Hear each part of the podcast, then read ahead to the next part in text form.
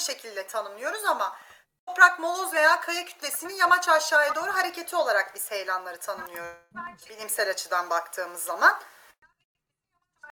Bunun dışında içerisinde heyelan diye her zaman söyleniyor. Atıyorum denizgesinde heyelan oldu vesaire deniyor ama heyelanlarımız kendi arasında e, düşme dediğimiz kaya düşmeleri veya e, moloz düşmeleri, toprak düşmeleri şeklinde olmak üzere farklı cinslere ayrılabiliyor.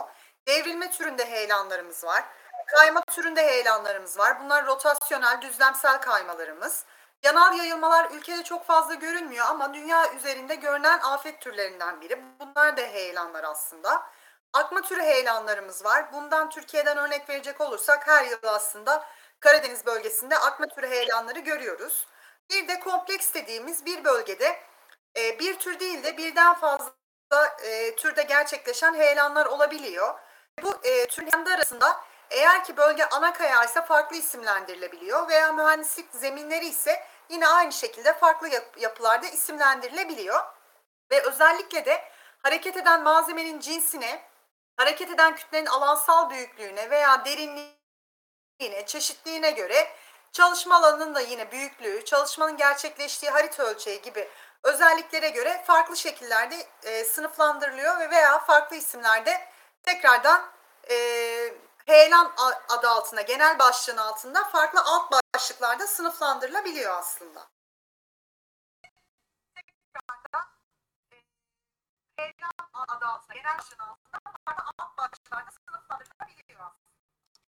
Pekala hocam teşekkür ederim. Şimdi de e, bir yandan reji ekibim beni uyardı.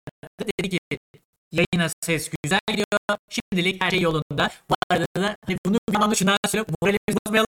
Gayet iyi hocam. İlk başta öyle aksaklık olur. Şimdi size şunu sormak istiyorum. Evet heyelan bir tanım yaptık ve çeşitli e, alt türlerini de bir anlamda belirledik. Fakat en temelde bir heyelanın oluşmasına sebebiyet veren e, faktörler nelerdir? Bu konu hakkında da sizden bilgi almak istiyorum. Çünkü şöyle ilk başta bir heyelanı tanıyalım. Bir nedir? Nasıl oluşur? Bunu bir bilelim. Bir yüz tadı olsun. Bir giriş tadı olsun. Daha sonrasında ise biraz daha spesifik sorulara geçelim diye düşünüyorum. O yüzden ismen böyle temel temel soruları soruyorum size hocam. Kusura bakmayın şimdi. Kesinlikle ama hazırlayıcı faktörler veya neden bir bölgede oluyor bunu sordun sanırım. Şimdi şöyle aslında bu heyelan karıştırılıyor. Doğru hocam. Heyelanları hazırlayıcı faktörler dediğimiz etkenler var. Hani böyle bazen bazı oluyor. Bir de heyelan gerçekleşiyor. Ve aslında heyelanların tetikleyici faktörler var. Yani o tetikleyici faktör ortamda etkin hale geldikten sonra o o bölgede heyelan oluşmaya başlıyor artık baktığımızda. Fakat e, mesela yağış, yağışın hazırlayıcı bir faktör olduğu söylenir bazı, bazı zamanlarda. Ama bu tamamen yanlış bir fikirdir. Heyelanları hazırlayıcı faktör derken bizler e, özellikle başta e, bölgenin jeolojisi, toprak yapısı, jeolojik özelliklerinin bir iyi bilinmesi gerekiyor. Bazı birimler e, heyelana duyarlı birimlerdir. Bazı birimlerde heyelan oluşmasını önge- e, önleyici etkenlere sahiptir. E, onun dışında diğer en önemli faktörlerden biri yine bizim CBS ortamında oluşturduğumuz veya USGS'te de var bunlar ücretsiz olarak kullanılan.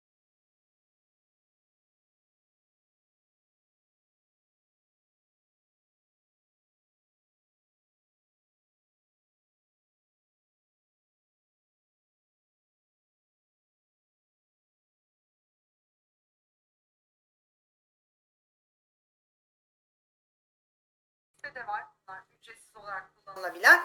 Bir bölgeye ait sayısal yükseklik modeli yani yükseklik parametresi yine heyelanların oluşmasındaki en etkin parametrelerden biridir. Bunun dışında e, sayısal yükseklik modeli ve türev haritaları olan işte en önemli yine etkenlerden biri bölgelerin eğimi. Eğer ki bölgesel ölçekli bir alanda çalışıyorsanız yamaç eğimi mutlaka o, param- e, o çalışmada kullanılması gereken bir parametredir. Bunun gibi e, sayısal yükseklik modelinden üretilen e, en az 50 hatta çok daha fazla sayılarda türev haritalarımız var. Ama bir bölgede e, neden burada heyelan oluyor diye konuşuyorsak öncelikli olarak o bölgenin jeolojisini bilmemiz gerekiyor. O bölgenin yükseklik değerlerini bilmemiz gerekiyor. Yamaç eğimi parametresini bilmemiz gerekiyor. Yamaç yönelimi parametresine bakmamız gerekiyor. Pürüzlük parametrelerimize bakmamız gerekiyor ve bunun gibi çok fazla türev haritalarımız var. Bunun dışında morfolojik haritalar dediğimiz arazi kullanım haritalarımız var. Bunlar coring verileri olabilir. Veya sizin kendi Landsat uydularından veya ücretli satın aldığınız e, görüntüleriniz varsa bu görüntülerden elde ettiğiniz arazi kullanım örtüleri haritası olabilir veya buna arazi kullanım haritaları da deniyor.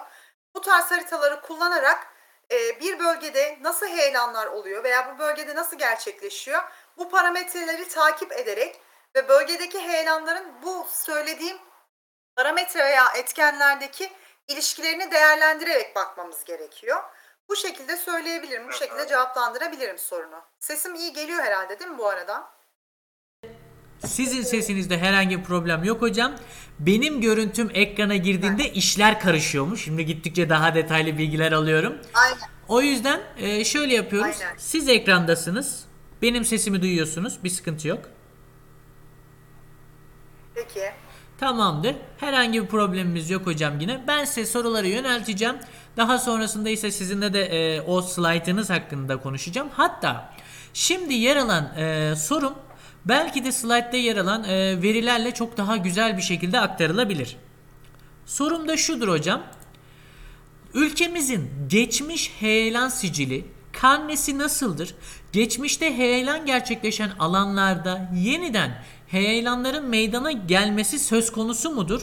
Ee, diyerekten size bir soru yöneltmek istiyorum. Bu soruyu dilerseniz slaytınızda ilgili bir alan varsa oradan da gösterebilirsiniz hocam. Ee, aslında var, onun üzerinden konuşabilirim ama... Tabii ki. e, şu anda slide görünüyor mudur ekranda? Şu Bilmiyorum. anda gözükmesi lazım hocam. O zaman göründüğünü düşünüyorum. Evet. Şimdi onu anlatmadan önce aslında e, şu tablodan biraz e, bahsetmek istiyorum. E, biraz da ilk sorunla aslında bu ilişkili. Hı hı. Şimdi heyelan dediğimiz zaman evet doğal afetler arasında e, bir tür olarak karşımıza çıkıyor. Ama bunu hangi sınıfa girdireceğiz diye konuşacak olursak heyelanlar hem jeofiziksel dediğimiz fiziksel koşullar altında bölgede gelişebilir. Yani bu başlığın altında, bu grubun altında değerlendirilebilen bir doğal afettir. Hem hidrolojik ve meteorolojik dediğimiz e, doğal afet sınıfları içerisinde yer alabilir veya iklimsel dediğimiz e, etkiler altında gelişen doğal afetler arasında e, sayılabilir. Yani heyelan oluşması için bir bölgede bir olayın, iki olayın veya 3-4 farklı e, etken bir bölgede heyelan oluşmasına yol açabilir. O yüzden heyelan derken aslında hepimizin aklına e, genelde hani televizyonda çıkan hani bu konuyu çalışmayan insanlar için diyorum. işte Karadeniz bölgesinde olanlar geliyor vesaire ama bunun yanı sıra bir ayrı bir başlıkta şunu da söylemek istiyorum. Özellikle yer bilimleriyle ilgili çalışıyorsanız, yani jeoloji çalışıyorsanız, toprak çalışıyorsanız, e, ülkemiz bu konuda çalışma anlamında mükemmel bir bölge. Yani hem heyelan Türkiye'nin her yerinde çalışabilirsiniz, bölgesel çalışabilirsiniz, tekil çalışabilirsiniz.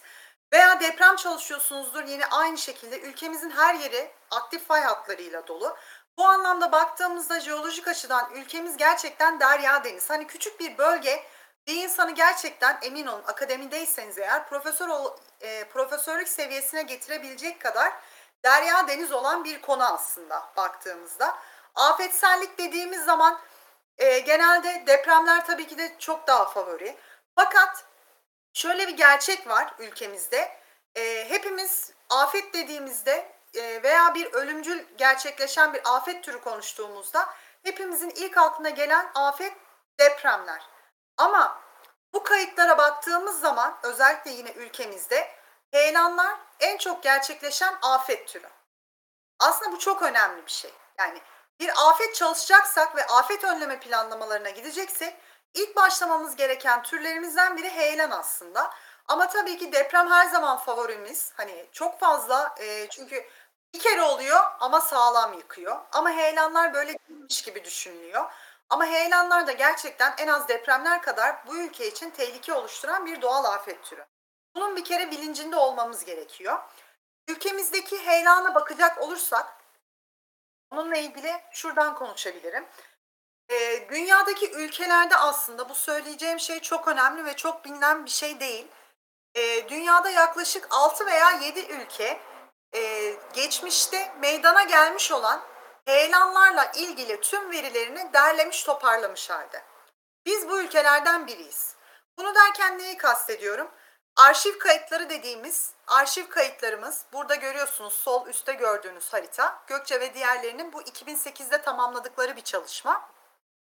Tüm doğal afet türleriyle ilgili lokasyon olarak e, biz nerede ne kadarlık bir afet oldu, gerçekleşen e, doğal afet türünden sonra e, can ve mal kaybı yaşandı mı veya hasar alan bina sayılarımız neler, kaç tane?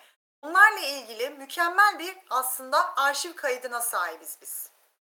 Bu veriler e, son birkaç yıldan beri il genellerinde AFAD tarafından güncellenmeye başlandı. Bu da çok güzel bir çalışma oluyor şu anda. Daha tamamlayamadılar diye biliyorum ben ama son halde ne halde olduğunu bilmiyorum.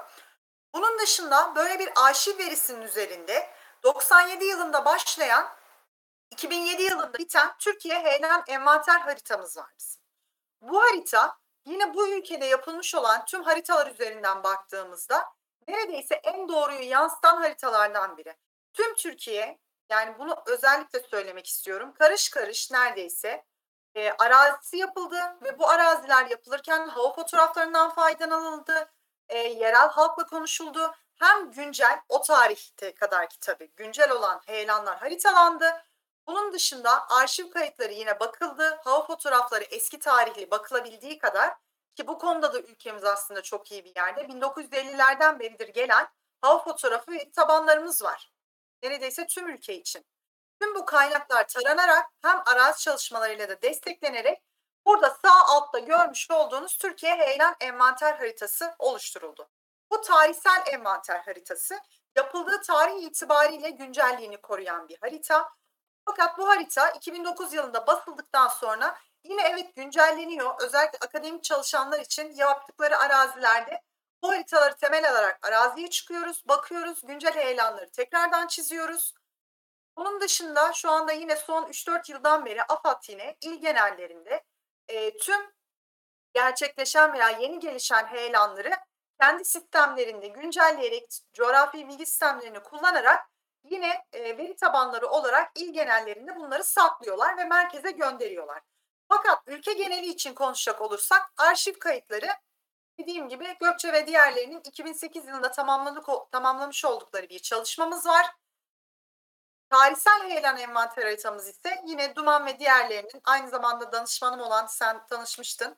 E, Tolga hocamızın da yazar olarak Evet, yer aldığı neredeyse tüm arazilerine katıldığı bir çalışma olan Türkiye Tarihsel Heyelan Envanter Haritası da 2009 yılında tamamlandı. Bunun dışında yapılan tabii ki de çok fazla çalışmamız var. E, duyarlılık dediğimiz biraz sonra buna biraz daha değineceğiz ama mekansal olabilirlik çalışabildiğimiz yöntemlerde e, ülke parça parça farklı akademisyenler tarafından çalışılıyor. Ama dediğim gibi yine az önce söylediğim gibi ülke geneline baktığımızda iki tane e, kullandığımız ve hala önemli bir altlık parametre olan ve doğruluğu neredeyse yüzde yüze yakın olan iki tane büyük çalışmamız var. Ve yine şunun altını çizerek söylemek istiyorum. Dünyada 6 veya 7 ülkeden biriyiz. Ve bu 6-7 ülke arasında da bu işi en iyi yapan ülkelerden biri gerçekten ilk üçte olacak sıralamada olan bir yerdeyiz aslında. Envanter çalışması için konuşuyorum. Ee, hocam şimdi envanter çalışması hakkında ve ülkemizin de bir anlamda geçmişe yönelik e, tutulmuş olan envanterlerine baktığımda oldukça bu konuda donanımlıyız. Evet.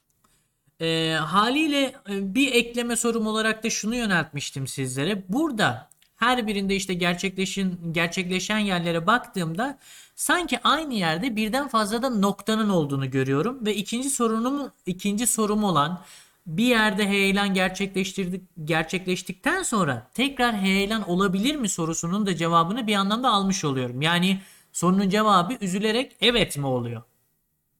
Şöyle o sorunu unutmuştum ben kusura bakma o Yok yüzden. estağfurullah hocam.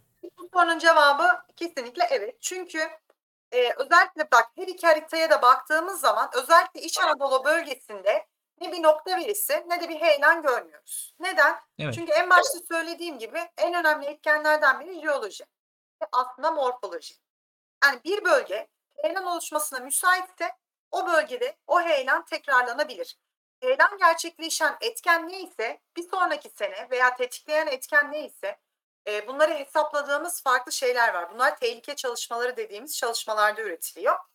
E, o çalışmalarda bizler farklı tarihlerde burada ne kadar de, e, heyelan olabilir e, veya hangi büyüklükte heyelan olabilir bunlara bakıyoruz. Ama bir bölgede yani lokal bir alanda bir kere olmuştur bir daha olmayabilir. Ama özellikle Karadeniz bölgesinde her yıl neredeyse birkaç kere haberlere de çıkacak boyutlarda Kesinlikle. heyelan olaylarını yaşıyoruz. Hı hı. E, aynı şekilde aslında bu heyelan olaylarını Karadeniz'de yaşadığımız kadar burada görmüş olduğunuz diğer kırmızı olan bölgelerde de yaşıyoruz.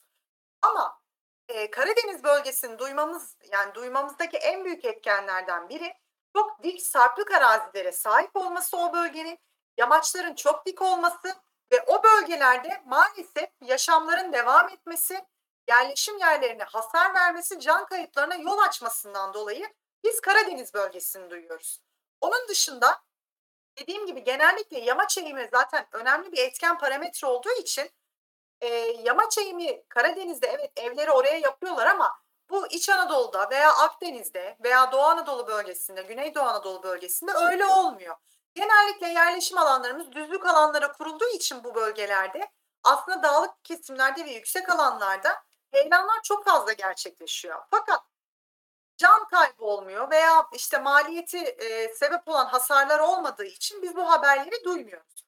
Ama evet sorunun cevabının kesinlikle evet yani bir bölgede bir heyelan tekrardan birçok kez tekrarlanabilir. Hiç olmayan bir yerde de olabilir. Ama genellikle olan bölgelerde bizler heyelanları tekrardan yaşayabiliyoruz.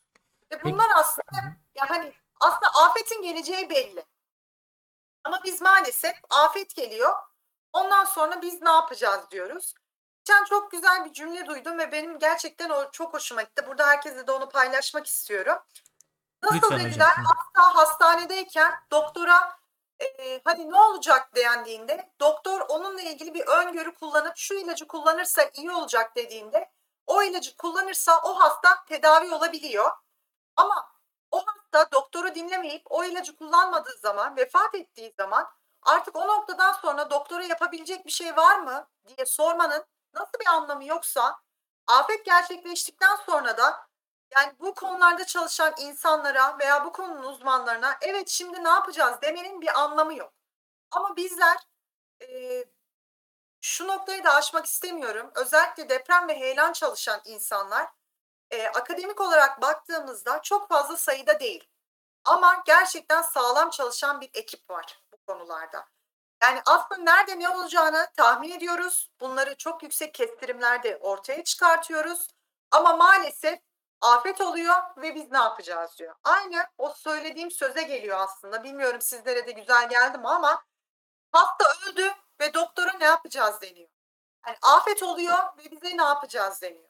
Artık söyleyecek bir şeyimiz yok. Orada o olay oldu artık. Yani görmemiz ve bunlarla ilgili önlemleri biraz almamız gerekiyor. Aslında zaten bu bilimin bir anlamda insanlığa kattığı en büyük hediyelerden bir tanesi öngörü yeteneği. Bizde de hali hazırda bu tür araştırmalarla bu öngörüyü e, elde edebilmemize rağmen çeşitli sebeplerden dolayı uygulanmaya katılmıyor diyelim. Ve sizin Evet. buradaki e, ne derler serzenişinizi bir anlamda e, bütün Türkiye olarak hissediyoruz. Şimdi aklıma direkt olarak şey geldi hocam. Hani bu soruda e, takılmak gibi olmasın ama şunu sormak istiyorum. Mesela depremler e, gerçekleştirdik gerçekleştikten sonra derler ki oradaki işte gerilim azaldı artık. Oradaki kuvvet kendini boşalttı ve artık oradaki gerilim uz- e, uzaklaştı bir anlamda. Ve aynı yerde bir daha deprem olma imkanı oldukça düşük bir ihtimale geldi. Aynı durum heyelan içinde geçerli midir yoksa tamamen hani dinamikleri birbirlerinden olabildiğince farklılar. Bu yüzden aynı yerde hat, yani direkt olarak aynı noktada iki kez heyelan olması tam anlamıyla ihtimal dahilinde değil mi? Yani şimdi şöyle iki olay birbir yani gelişme mekanizmaları dediğim gibi dinamikleri bambaşka. Yani deprem ve heyelanı birlikte asla konuşamayız oluşum anlamında. Zaten yani o morfoloji zaten heyelana müsait bir alansa eee, ve her bu yıl oldu orada bir heyelan gerçekleşti eee, diyelim ki ve ortamdan eee heyelan oluşmasına sebep olan etkenler ortamdan alınmadıysa e, aynı bölge gene duruyor. Önümüzdeki sene aynı etken geldiğinde veya 5 yıl sonra tekrar geldiği zaman o bölge zaten yine tekrardan aynı afeti yaşayacak. Karadeniz bunun en güzel örneklerinden bir Aynen, tanesi. bunun en güzel Ordu, en son Kastamonu örneğimiz. Bunların en güzel örnekleri maalesef. Pekala. Yani evet deprem biraz daha farklı, biraz değil çok daha farklı oluşumlu. Hani onu farklı bir şeyle konuşmamız gerekir. Öyle söyleyeyim sana ama Kesinlikle. heyelan bambaşka yani. Heyelan bir bölgede olmuşsa o bölgede tekrar olma olasılığı çok yüksek. Pekala, teşekkür ederim. Şimdi ise e, şunu e, söylemek istiyorum, sormak istiyorum daha doğrusu. Az önce de bahsini geçirdik. Bir öngörüden konuştuk. Ben de şöyle bir soruyla size yaklaşmak istiyorum. Toprak ve kaya katmanlarına bakarak heyelan gerçekleşme ihtimali olan potansiyel alanlar belirlenebilir mi? Belirlenebilir ise e, hangi tür toprak veya kayaç türü bu konuda bizlere bilgi verebilmektedir? İşin biraz daha jeoloji kısmına inmek istiyorum kısacası. Soruyu tam net anladım mı bilmiyorum ama Hı. diyorsun ki arazidesin. Arazideyim. Aynen. Burada e, baktığında burada olur mu olmaz mı diyebiliyor musunuz diyorsun. İlgili işte kayaçlara, toprağa bakarak. Anlayabiliyoruz. Hı hı. Ee, şöyle anlıyoruz ama e, bu mesleği yapıyorsan, bu işi yapıyorsan hani göz aşinalığından o bölgede olup olmayacağını anlayabiliyoruz. Jeolojik olarak da şöyle söyleyebilirim sana. Ee, ülke genelinde baktığımızda miyosen yaşlı dediğimiz bir birim var. Tamam mı? Miyosen birimleri zamanında çok çılgın bir gençlik yaşamışlar. Öyle söyleyeyim yani. Hani e, ülkede zaten en büyük hani afet türlerinin yaşandığı veya hasara yol açan toprak türleri, toprak demem yanlış olur aslında, jeolojik birimler, Miyosen, Pliosen dediğimiz dönemdeki şeye yerleşen birimler. O yüzden biraz böyle eğer bölge işte e, dayanımı zayıf bir birimden oluşuyorsa zaten orada hani yamaç eğimiyle de bu birleştiği zaman o bölgenin kayacağını tahmin edebiliyorsun. Ama bizler bir arazide veya bir bölgede çalışacaksak zaten önce onunla ilgili jeolojisi nedir? Buna detaylı olarak bir bakıyoruz. Hani e, zemin heyelan gerçekleşmesine veya toprak kayması gerçekleşmesine müsait bir bölge mi değil mi? Onu biraz sanırım e, mesleki alışkanlık mı oluyor veya hani göz baktığında mı anlıyor bilmiyorum. Hani bu sorunun cevabı bende evet. Ama hı. bu sorunun cevabı benim için veya benim gibi çalışan insanlar için mi evet yoksa tüm herkes için mi evet? Ona net bir şey söyleyemem. Yok Ama elbette cevabı benim için net Heh, yani bu- evet. burada şeyi kastettim. Eğitimli bir göz baktığında Bir göz eğer ki heyelan çalışıyorsa, evet. bölgesel ölçekli bir heyelan çalışıyorsa, Hı hı. onun dışında bir bölgede değil de bir birkaç farklı bölgede çalışmışsa çünkü bizim mesleğimizin bir de öyle bir şeyi var. Belirli bir alanda çalıştıysan yani lokasyon olarak e, farklı bir alana gittiğin zaman o bölge sana farklı bir şey sunar.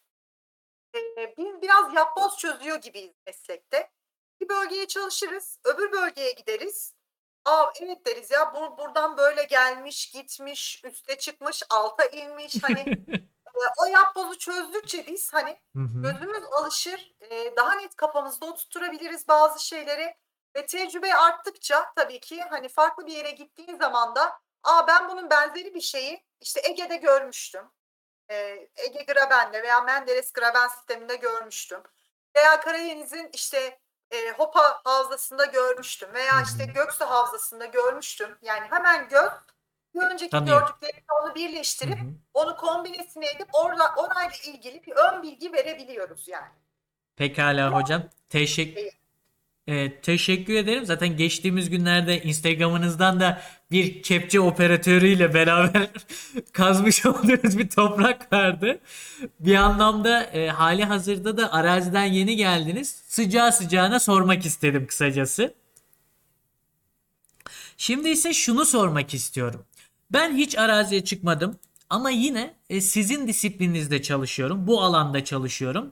Fakat araziye çıkmadan uydu görüntüleriyle yani coğrafi bilgi sistemleri kullanarak e, risk analizi yapabilir miyim? Burada heyelan olacak diyebilir miyim? Böyle bir e, şey sunuyor mu bana? Veri seti sunuyor mu CBS sistemleri? Şimdi şöyle e, genel bilinen bir yanlış var. Sen de sorunu sorarken o yanlışı kullanarak sordun. Her zaman biz Buyurun bunu düzeltmek için veya hani doğrusunu aktarmaya çalışıyoruz Hı hı. açıkçası. Riski belirleyebilir miyiz dedin. Şimdi Evet. risk bambaşka bir şey. Hı. Ve riskin devamında şunu söyledin. nerede olabileceğini de bulabilir miyiz dedim. Şimdi nerede sorusu biz eğer heyelan çalışanlar üç sorunun cevabını ararız. Ee, üç sorunun her biri ayrı bir başlıktır. Aslında varsa onu da şuradan göstereyim. Evet, şuradan gösterebilirim. Biz üç temel sorunun cevabını ararız. Bu üç cevabı eğer bulmuşsak biz o bölgede tehlike konusunu konuşabiliriz. Ama risk apayrı. Ona da geçeceğim ama e, sorunu cevaplı yani sorundan ilk başlayayım. Tamamdır hocam. Çıkmadan bu da büyük bir yanılgıdır. İşte böyle olumlu değil de bazen hani akademide biliyorsun olumsuz eleştiri yapmak adına da konuşan bazı Kesinlikle. olabiliyor. Bunu hepiniz anlayacaksınızdır diye hani biliyorsunuzdur diye hani daha net anlaşırız diye söylüyorum. Şimdi bu tarz o zihniyetteki insanlar bizlere aman araziye mi gidiyorlar bilgisayarlarının başında işte e, oturuyorlar yapıyorlar bir programda her şeye yapıyorlar gibi eleştiriler yap- yapmaya çalışıyorlar. Ama hiç alakası yok. Bizim e, coğrafi bilgi sistemleri en önemli uzuvlarımızdan biri ama vücudumuzun tamamı değil. Yani işimizin tamamı değil. Öncelikli olarak iyi bir arazi yapmamız gerek. Araziden neredeyse yüzde yüze yakın doğru veriyle bilgisayarımızın başına gelmemiz gerekiyor. Yani önce okuyoruz, araziye gidiyoruz, e, çıplak gözle görüyoruz, mantarlarımızı haritalıyoruz vesaire vesaire. Artık e, mantığı hani bir konuyu çalışırız teorikte, kitaptan okuruz okuruz ve onu belli bir şeyde çözdükten sonra test çözmeye başlarız ya. Aynı şeyi biz heyelan çalışmasında da yapıyoruz.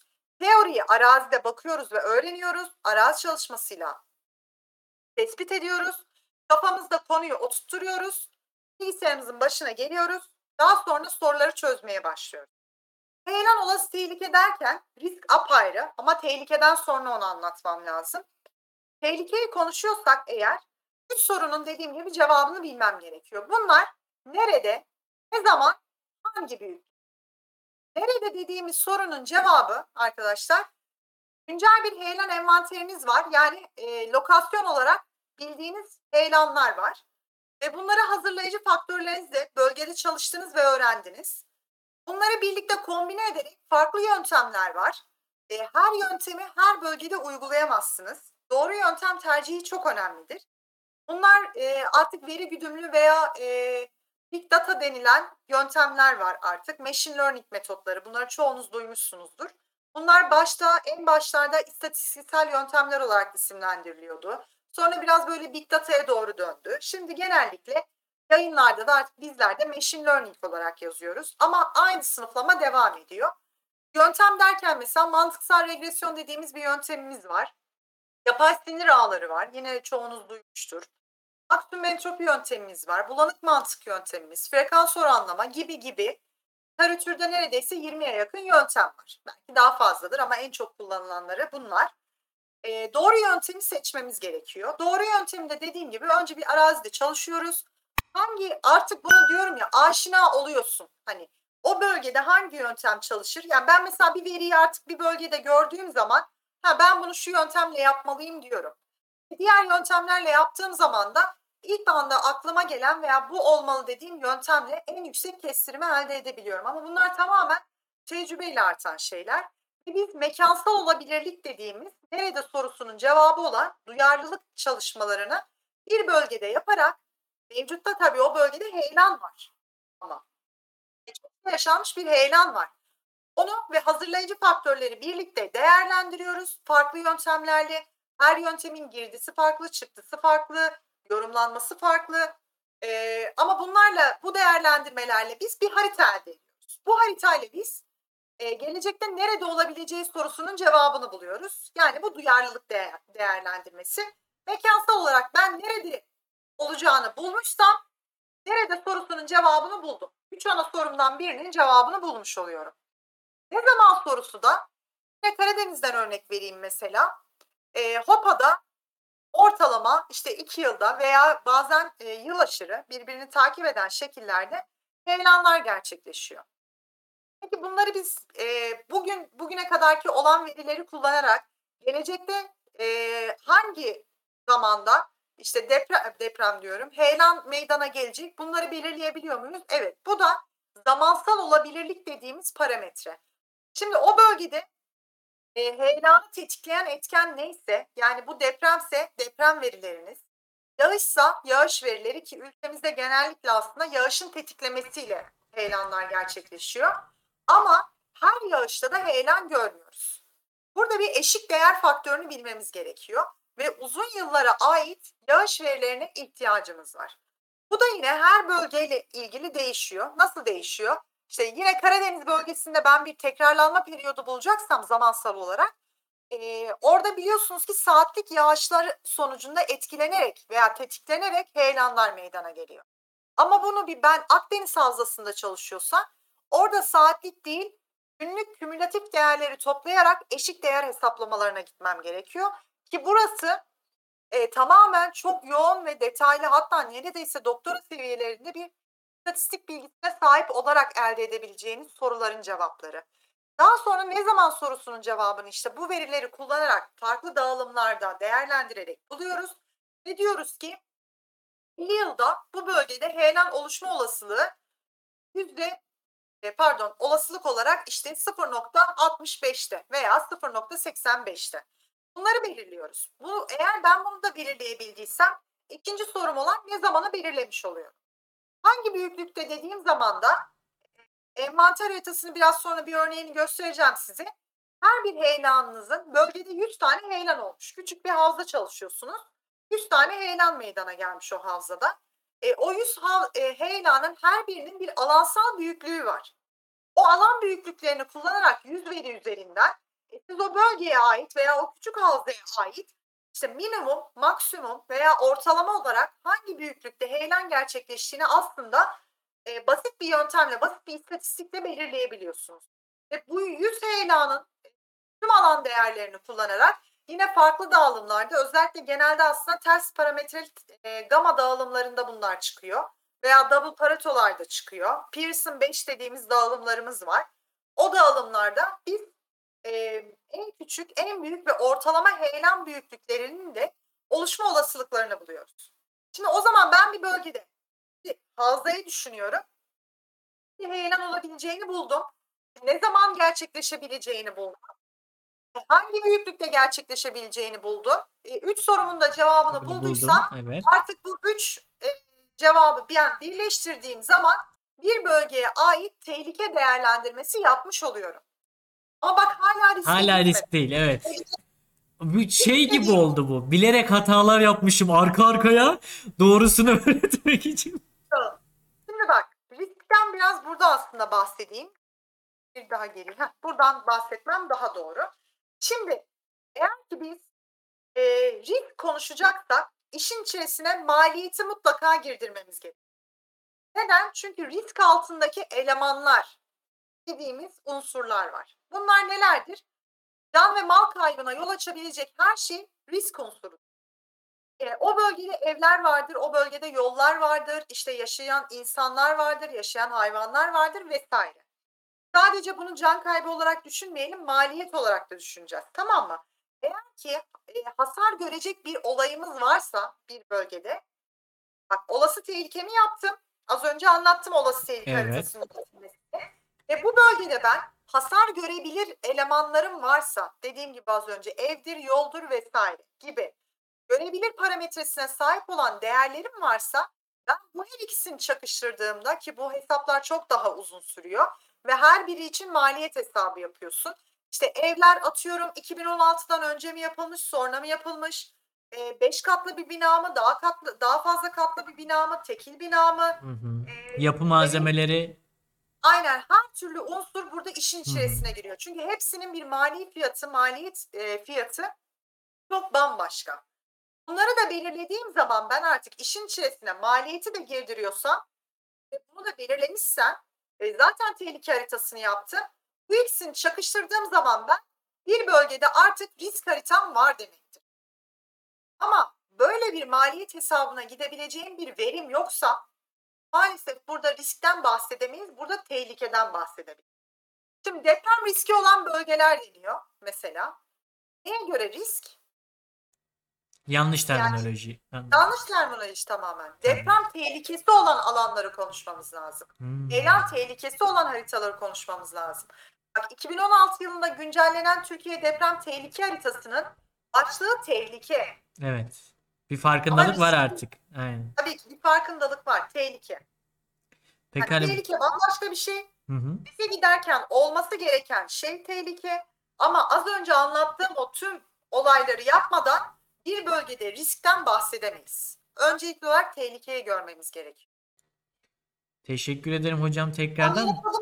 Atladığım bir yer var mı? O bilmiyorum ama. Yok yok e, aslında zaten hepsini olabildiğince detaylı bir şekilde anlattınız. Bir de ilerleyen sorularıma yönelik de küçük birkaç giriş yaptınız.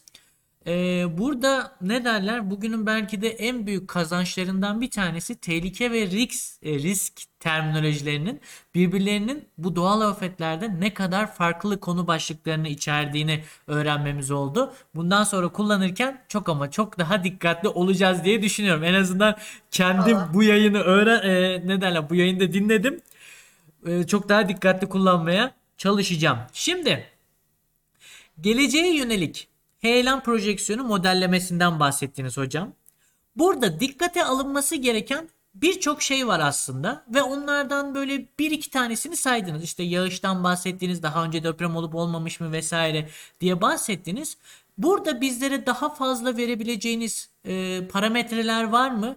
Bunları sizden öğrenmek istiyoruz. Yani e, geleceğe yönelik oradaki modellemeyi yaparken hangi verileri kullanıyorsunuz? Eğimi mi kullanıyorsunuz? Bakıyı mı kullanıyorsunuz? Efendime söyleyeyim oradaki akarsuların durumunu mu vesaire vesaire bunları mı kullanıyorsunuz?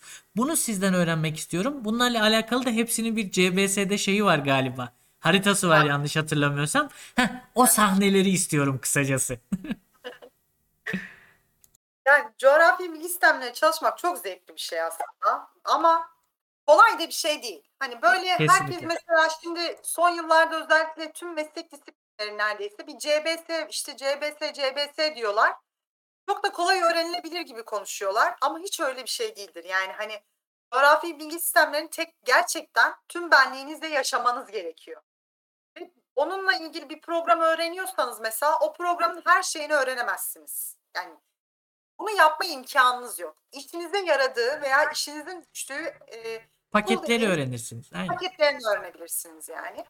E, kolay değildir, zordur ama e, aynı bir bulmaca çözmek gibidir. Hani zor zoru seviyorum deniyorsa bu tarz şeyleri çalışmak gerekir. Çıkan önce- veri tatmin edici hocam. İşin en güzel tarafı o. O yorgunluğa değiyor ya. Hani böyle biraz da hastalık oluyor ya hani çalışmak. Böyle çalışıyorsun çalışıyorsun günler haftalar geçiyor falan.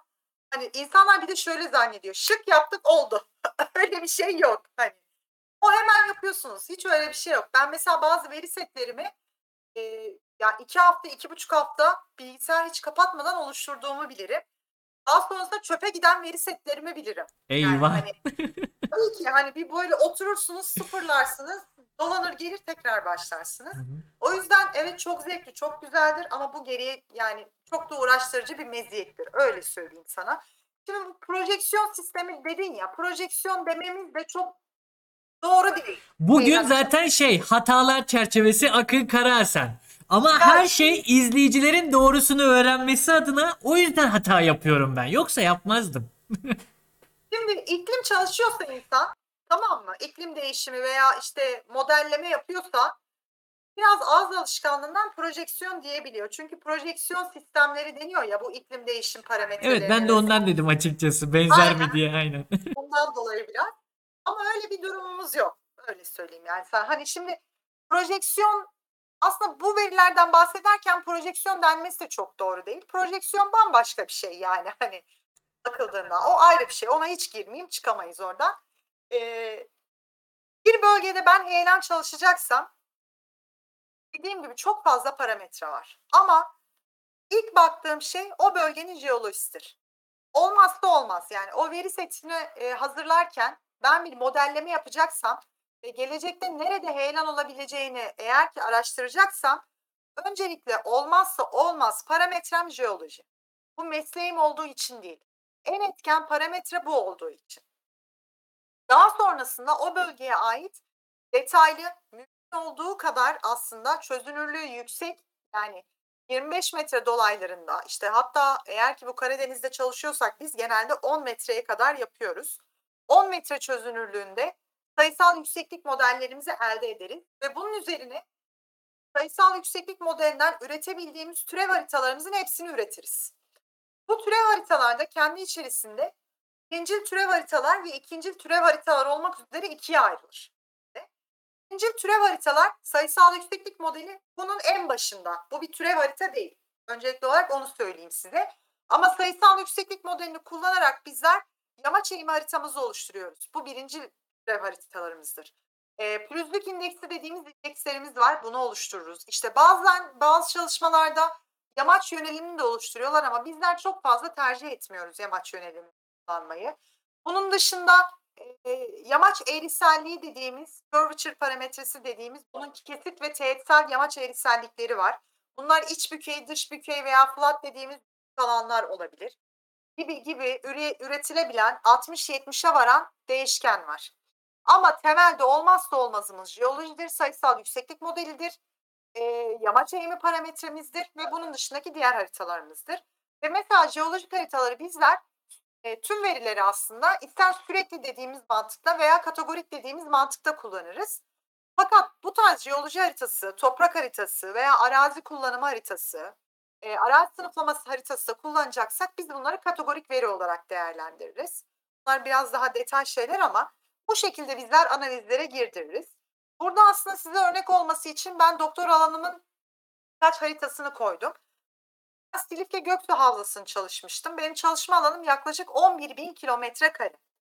Çok büyük bir alanda çalıştım ben. 11 bin Kesinlikle. kilometre kare. Yani derken Havzada- ne kadar kolay ama bir de bunun Yani- modellemesi, parametreleri baz almak. Aynen bir de Tolga Hoca ile çalışınca hayal ettim. Ona bir şey diyemiyorum. Yani o bambaşka bir etken. Ee, havza gerçekten altı başka özellikte, orta kesme başka özellikte, yukarısı başka özellikte ama bunu bir bütün halinde değerlendirmemiz gerekiyordu. Birçok etkene baktık, ee, iklim değişkenlerine baktık, günümüz modellerine baktık, gelecek modellerine baktık ve aslında tüm Türkiye'de olduğu gibi bu havzada da arkadaşlar yıllık ortalama yağış miktarlarında çok fazla bir artış olacağı öngörülmüyor. Ama bizler burada yanılıyoruz genel olarak. Neden? Evet, toplam yıllık yağışlarımızda ülke genelinde veya dünyada çok fazla artış olmayabiliyor. Ama aylık toplamlara baktığımız zaman çok büyük farklılıklar var.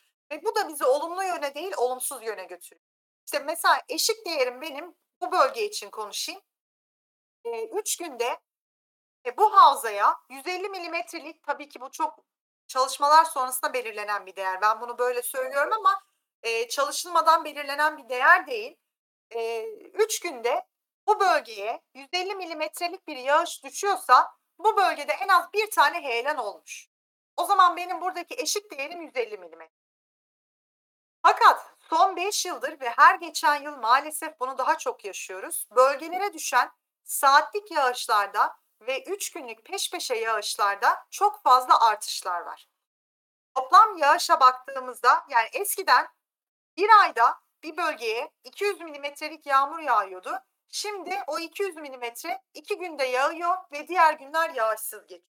İşte biz aslında bu yüzden iklim krizi yaşıyoruz. Aynen aslında bir sonraki Yayılma, çok Aynen. özür dilerim. Ee, araya girdim hocam.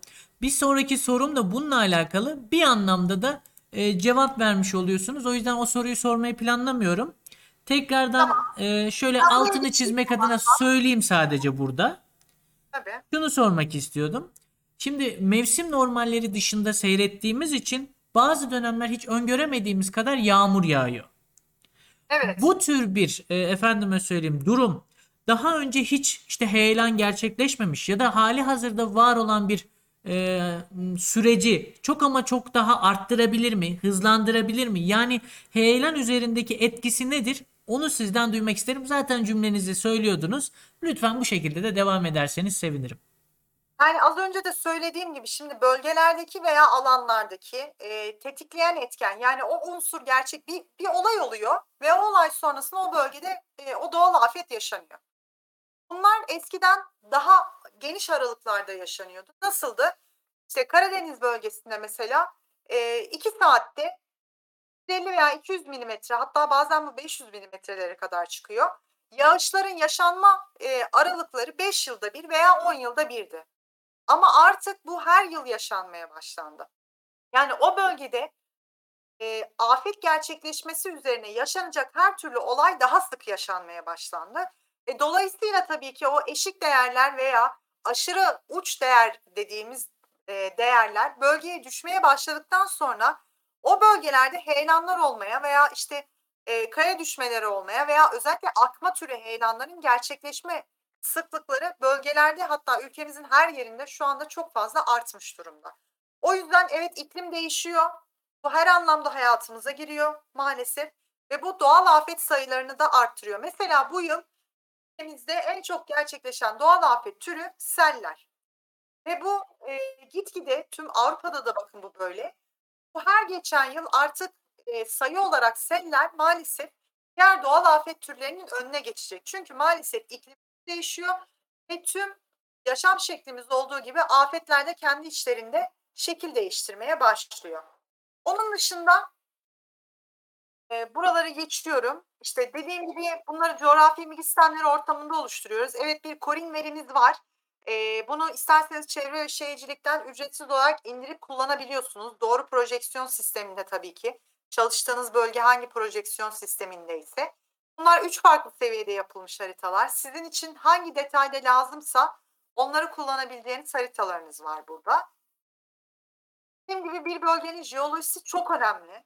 Yani buranın jeolojisine çok hakim olmanız gerekiyor. Çünkü bir bölgede ne oluyorsa aslında jeoloji size onu veriyor. Hani yamaç işlerinde mesela bu Miyosen yaşlı sunum şeyin konuşmamızın başında söylemiştim. Miyosen çok çılgındı diye ülkemizde. Hakikaten bakın baktığımızda biraz sonra envanterde daha net göreceksiniz ama sarı renkli gördüğünüz birimler Miyosen yaşlı, Pliyosen yaşlı birimler ve heyelanlar genellikle bu birimler üzerinde gerçekleşiyor. Ama havzanın üst taraflarına baktığımda mesela e, temel dediğimiz paleozoik yaşlı birimler bu bölgelerde.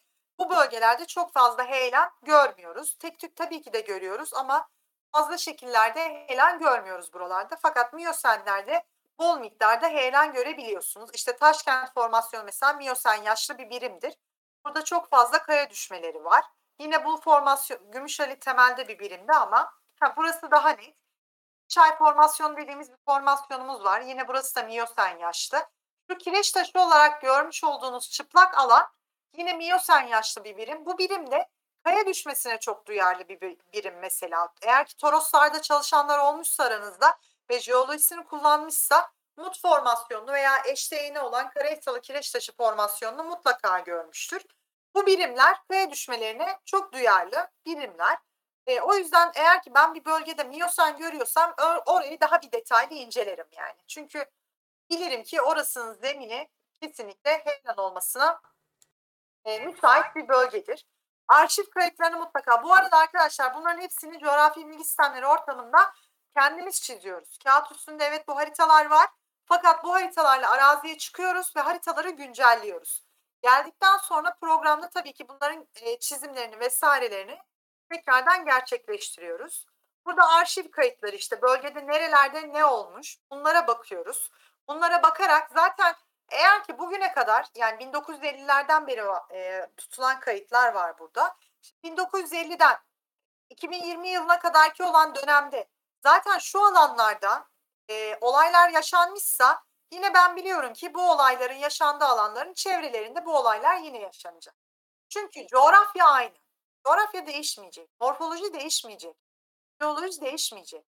O yüzden büyük ihtimalle zaten buralarda bu e, olayları tekrardan yaşayacağımızı düşünüyoruz.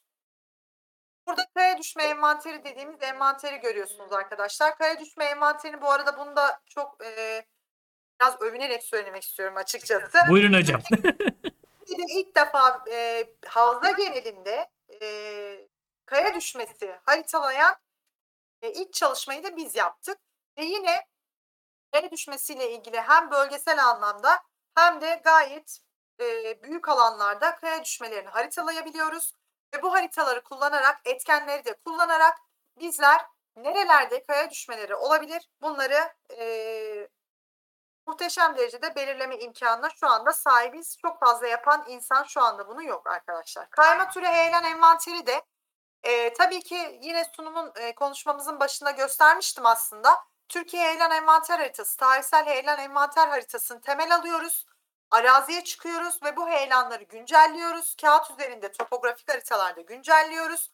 Ondan sonrasında geliyoruz tekrardan programda bunları sayısallaştırıyoruz arkadaşlar. Ve doğru projeksiyon sistemlerini kullanmamız gerekiyor. Burada bakın çok büyük bir tarihsel bir heyelan görüyorsunuz. Bakın heyelanın içerisine yapılmış bir köyü de yine burada görüyorsunuz arkadaşlar. Bakın buralarda da yine büyük çaplı heyelanları görüyorsunuz. Bu yol e, yaklaşık 5 yıldır kayıyor. Her yıl kayıyor. yani ama bir önlem alınmıyor maalesef. Ama orayı yapmayı tercih etmişler falan. Burayı yapmayı tercih etmişler Evet. ve burası kayıyor yani. Yapacağımız maalesef Aslında şey şimdiki yok. sorum da onunla alakalı hocam. Ya şehir planlamasında heyelan tehlike bölgelerinin önemi nedir diye sormak istiyorum yine temel bir şekilde. Ve bununla alakalı bir yönetmelik söz konusu mu? Yani devlet bununla alakalı efendim şuralar e, işte tehlike bölgeleridir. Buralara herhangi bir yapılaşma söz konusu olmasın e, demeleri söz konusu mudur hocam? Veya sizin çalışmalarınızdan sonra ilgili işte belirtmiş olduğunuz yerleşkelerde bir e, bildiri vesaire yayınladılar mı? Oralara e, çeşitli işte ekipler gönderip buradan taşınmanız lazım ya da böyle böyle bir riske sahipsiniz gibisinden bir bildiri yaptılar mı? Bunu sizden duymak istiyorum. Şöyle sorunu anladım ama şunu bir göstermek istiyorum açıkçası. Bakın bu haritamız gölge rölyef haritası dediğimiz Hillshade haritası. Eğer ki CBS çalışanlarınız varsa aranızda bu haritayı illaki yapmıştır. Bu haritaya bakın baktığınız zaman bu kırmızılar heyelanlar arkadaşlar. Şurada zaten heyelanın sınırlarını çok net görüyorsunuz. Hani ilk başlarda sorduğum bir soru var ya CBS'de araziye çıkmadan CBS'de yapabilir miyim? Evet. Kesinlikle olmaz diyorum ama Hı hı. Bölge rölyef haritası gibi haritalar bakın size zaten sınırları çok net veriyor. Bunlara bakıyoruz tabii ki. Buralara arazide normalde bir dikkatle bakacaksak buralara 10 dikkatle bakıyoruz. Bu diğer ürettiğimiz türev haritalarımız. Bunların hepsini sayısal yükseklik modeli vesaire kullanarak ürettik. Böylece bir önceki sorunu tamamlamış olayım. Bu soruna gelince e, heyelandan değil de depremden bak konuyu örnek vereyim ben. Hani daha belki herkes Nasıl isterseniz hocam. olur. Şöyle, ülkede aktif fay hatlarının geçtiği yerleri artık hepimiz biliyoruz yani televizyonlarda bu gösteriliyor değil mi? Kuzey Anadolu fayı, Doğu Anadolu fayı, Ege Graben sistemi, işte aralardan giren bazı faylar vesaireler bunlar var. Bunların yerlerini biliyoruz. E bunları tüm devlet kurumlarına da vermiş durumdayız. Ama bakılıyor mu? Var mı iş? Yok. Evet. 81 ilimizin 60 küsür tanesinde arkadaşlar merkez ilçeleri bakın abartısız söylüyorum.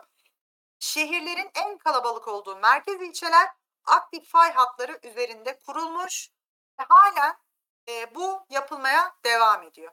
Kanun var mı? Var. E, engel olunabilir mi? Olunabilir. Ama demek ki bir yerlerde bir açıklık var ve bu açıklık kullanılarak yapılaşmalar devam ediyor. Hani her şey aslında başta söylediğim şeye geliyor. Hasta ölüyor, doktora ne yapalım diyor.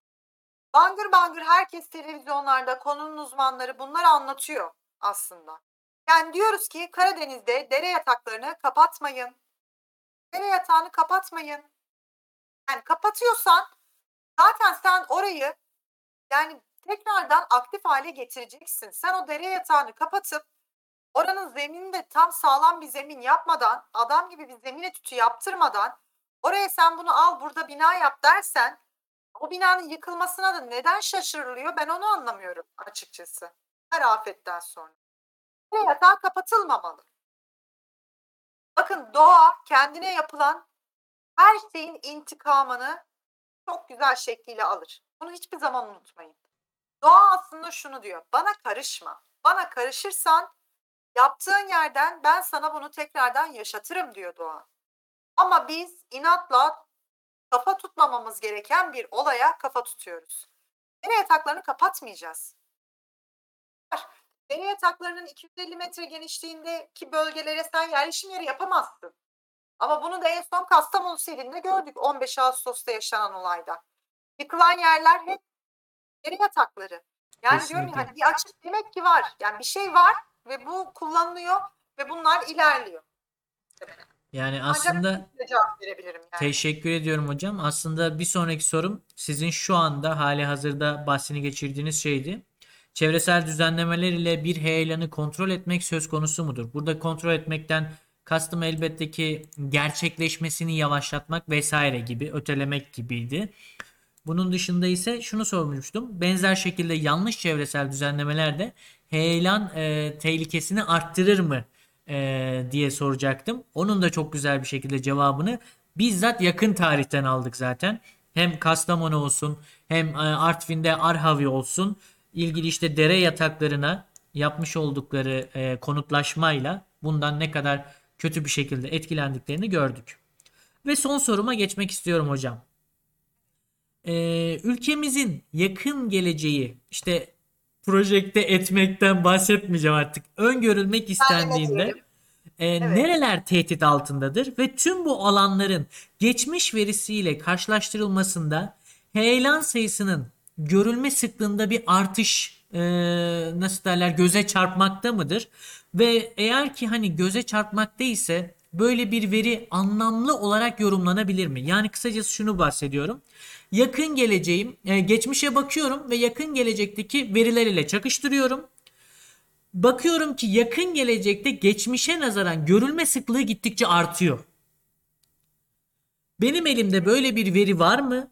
Böyle bir veri varsa bu kısıtlı zaman içerisinde nispeten edindiğim için bunu anlamlı olarak yorumlayabilir miyim? Yani bu gerçekten doğru bir veridir diyebilir miyim?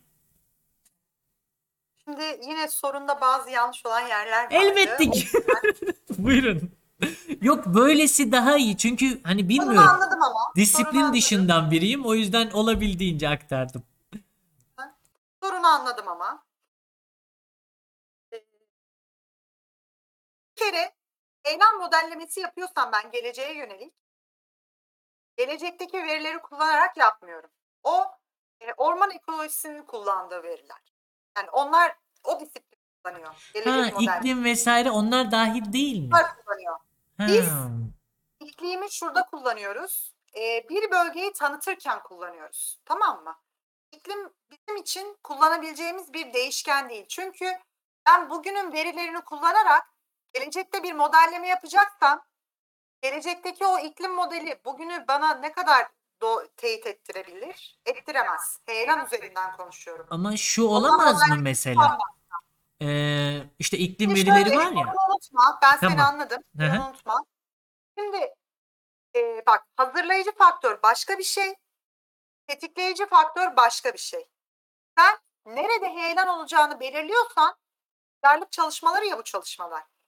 Duyarlılık çalışmalarını sen yapıyorsan hazırlayıcı faktörleri kullanmak zorundasın. Fakat yağış hazırlayıcı faktör değil. Yağış tetikleyici faktör. Anladın mı? Sen tetikleyici faktörle hazırlayıcı faktörü iç içe geçirip modelleyemezsin. O zaman doğruya gidemezsin. Anladım. Hazırlayıcı faktörler de dediğim şey bugünün morfolojisi o bölgede. Bugün bu heyelan burada var ama bu morfolojiyle var. Sen bu ikisini beraber değerlendirdiğinde mekansal olarak gelecekte nerede heyelan olabileceğini belirleyebiliyorsun. Tamam mı?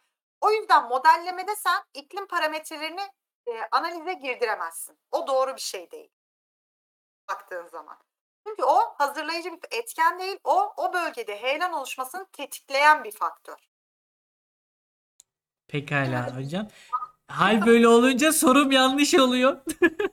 Estağfurullah ama yani heyelan konuşuyorsak bu şekilde konuşmamız Anladım. gerekiyor. Ya tabii ki de en doğru bu şekildeyse biz Orman ko- orman ekolojisi konuşuyorsak o bambaşka bir şey. Tabii Onlar ki. kullanıyorlar modellemelerinde çünkü onlar gelecek Hı kestirimlerini hı, ve iklim değişimleri onlar için en önemli şey.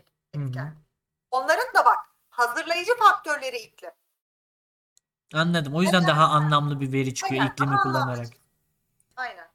Pekala hocam teşekkür ederim. Bugün e, ne derler? Kendi disiplinim olmayınca o kadar fazla hata yaptım ki. Böyle estağfurullah yani ben de umarım bir şey ters bir şey söylememişim. hayır yani. hayır. E, şu var. Genel olarak Hata yapmam bir anlamda güzel de oluyor. Çünkü kavramın derinlerine iniyorum. Ne olduğunu öğreniyorum bu sayede. O yüzden ben çok mutluyum. Benim için hiçbir problem yok. Lütfen siz de kendinizi ne derler kötü hissetmeyin. Sayın hocam, bugün için ağzınıza sağlık. Çok ama çok güzel bir yayın oldu. Ben kendimi ekranda fazla gösteremedim. Ee, Çeşitli sebeplerden dolayı ama olsun. Çok keyifliydi. Umarım ki izleyen arkadaşlarımız da e, ne derler keyif almışlardır ve bilgilenmişlerdir. E, dilerseniz hocam şöyle arkadaşlarımıza bir 5 dakika verelim. Olası soruları varsa arkadaşlarımızın sorularını yöneltsinler. Ha, yoksa da size ben e, veda ederim. Bugün için çok teşekkür ederim. Bakalım sorular gelecek mi? Ay ay o CBS dediniz ya. Sizinle iki sene önce Antalya'da tanışma fırsatı yakaladım. Ee, e, bizim e, sayın Kürşat hocalarımızın yapmış olduğu 22-37 yanlış hatırlamıyorsam TÜBİTAK projesiyle. Orada Tolga hocam mıydı? Yine yanlış hatırlıyorsam kusura bakmayın. Ha, bayağı her şeyi doğru hatırlıyormuşum. Valla? Bayağı doğru hatırlıyormuşum. Efendim orada tanışma fırsatı yakaladım. O gün bugündür e, sürekli işte çeşitli işte hocalarım harita yapmamı sağladılar. istediler daha doğrusu. Orada öğrendiklerimle küçük küçük CBS'nin ucundan tırmaklaya tırmıklaya bir şeyler yapmaya çalıştım hocam. Bayağı bayağı işe yarıyor diyebilirim. E, en azından kendi perspektifimde baktığımda kısıtlı çalışma alanımda çok işime yaradı. O yüzden aktardığınız bilgiler için hem o zaman da teşekkür ederim hem şimdi de çok teşekkür ederim. Ben de şunu söyleyeyim. Ee, biz Buyurun önümüzdeki hocam. hafta yeniden yapacağız. 12.sini veya 13.sünü yapacağız. Evet. Ortalama hepsine 30'ar katılımcı geliyor mesela. Yani bu çok fazla sayıda aslında. Hani unuttuklarımız oluyor. Kusura bakmasınlar lütfen. Ya Sen de hepimizin hatırladığı bir insansın. Hani Akın dediğimiz zaman hani hepimiz biliyoruz yani kim olduğunu. Çeneden dolayı. Hayır hayır hiç, hiç alakası yok. Yani seni tanıdığımız için ben hepimizin adına konuşayım. Ki biliyorsun biz orada bir aile gibiyiz aramızda. Yani seni iyi ki tanıdık yani biz de. O noktada emin olabilirsin. O güler yüzün, pozitifliğin, sıcaklığın gayet yani iyi ki tanıdık dediğimiz bir insansın. Onu da bir kez daha söyleyeyim yani sana. Teşekkür ederim hocam. Bir arkadaşımız bir soru sormuş ama e, bu soru tam olarak e, sizinle alakalı olmadığını düşünüyorum. Şunu dile getirmiş. Küresel ısınma ile gelecek felaketler için bireysel olarak ne yapabiliriz diye sormuş. Yani tam soru spesifik değil, çok geniş kapsamlı ve heyelanla alakası belirtilmemiş. O yüzden nispeten geçiyorum bu soruyu. Ama yine de bir şeyler söylemek isterseniz. Valla benim şöyle kişisel bir fikrim var. Onu Buyurun. söyleyebilirim. Ben değilim o konunun ama. Arkadaşlar doğaya dokunmayacağız ya. Doğayı biraz kendi haline bırakacağız. Yerleşim yerlerini, düzlük alanlara, tarım alanlarına, tarım alanları o kadar çok israf ediliyor ki artık maalesef. Tarım alanlarına dokunmayacağız. Yani dolayısıyla iklim değişiyor. İklimi değiştiren hiçbir etkene dokunmamamız gerekiyor. Ağaç ekmeği arttırmamız gerekiyor. Yani böyle giderse durum gerçekten vahim. Ama buna engel olmak adına da hiçbir şey yapmıyoruz maalesef. Çünkü genelde afeti yaşıyoruz ve şimdi ne yapacağız diyoruz. Ama iklim öyle olmayacak yani. Getirilmeyecek. Kesinlikle dünya bir şekilde bu yaptıklarımızın ne derler e, cezasını bize ödetecek. Sayın hocam çok teşekkür Ben- ederim. Çok mutlu oldum. Ben de çok Böylesine oldum. e, güzel bir günde e, bizlere bu güzel ve anlamlı bilgileri aktardığınız için bir anlamda da farkındalık yarattığınız için çok teşekkür ederim. Umarım ki e, ne derler arkadaşlarımız heyelan konusunda ve inanıyorum ki pek çok farklı konu başlığında da özellikle terminoloji anlamında e, bilgiler elde etmişlerdir. Böylesine güzel bir akşam için tekrardan teşekkürlerimi sunuyorum. Son sözleriniz varsa hocam almak isterim. Akabinde size veda edeceğim. Ha, benim için de çok keyifliydi. Çok teşekkür ederim o yüzden. Biz teşekkür ederiz. Tekrardan seninle görüşmek de çok güzeldi. Yani Aynı hayatım duygularla inşallah kadar hep güzel olur yani. Teşekkür Her şey ederim. gönlünce olsun. Çok teşekkür ediyorum ben de. Çok sağ olun hocam. Hoşçakalın. Kendinize iyi bakın. O zaman kendine dikkat et. Görüşmek üzere. Siz Herkese de de selam. görüşmek üzere. Evet arkadaşlar. Umarım ki görüntüm donmuyordur. Ee, bu akşam için hepinize çok teşekkür ederim. Bizleri izleyen arkadaşlarımıza çok ama çok teşekkür ederim. Ee, birkaç arkadaşımız süre içerisinde abone olmuşlardı. Yanlış hatırlamıyorsam bir tanesi benim arkadaşım ee, Okan'dı. Ee, onun dışında bir arkadaşım daha abone oldu ama onu kaçırdım. Ona da teşekkürlerimi sunuyorum. Bu akşam bugün bizlerle beraber olan değerli arkadaşlarımız ilerleyen haftalarda da sizler için yepyeni disiplinleri tanıttığımız, yepyeni akademisyenleri burada ağırladığımız çok güzel akşamlarımız olacak. Onun şimdiden e, sizlere haberini ileteyim. Umarım ki ilerleyen günlerde de burada sizlerle beraber oluruz. Bizi çeşitli sosyal medya hesaplarımızdan takip etmeyi unutmayın. Hem Twitter'da hem Instagram'da hem Facebook'ta. E zaten başlı başına bir sitemiz var ve YouTube kanalımız var. Oralardan takip etmeyi unutmayın. Böylesine yepyeni disiplinlerle siz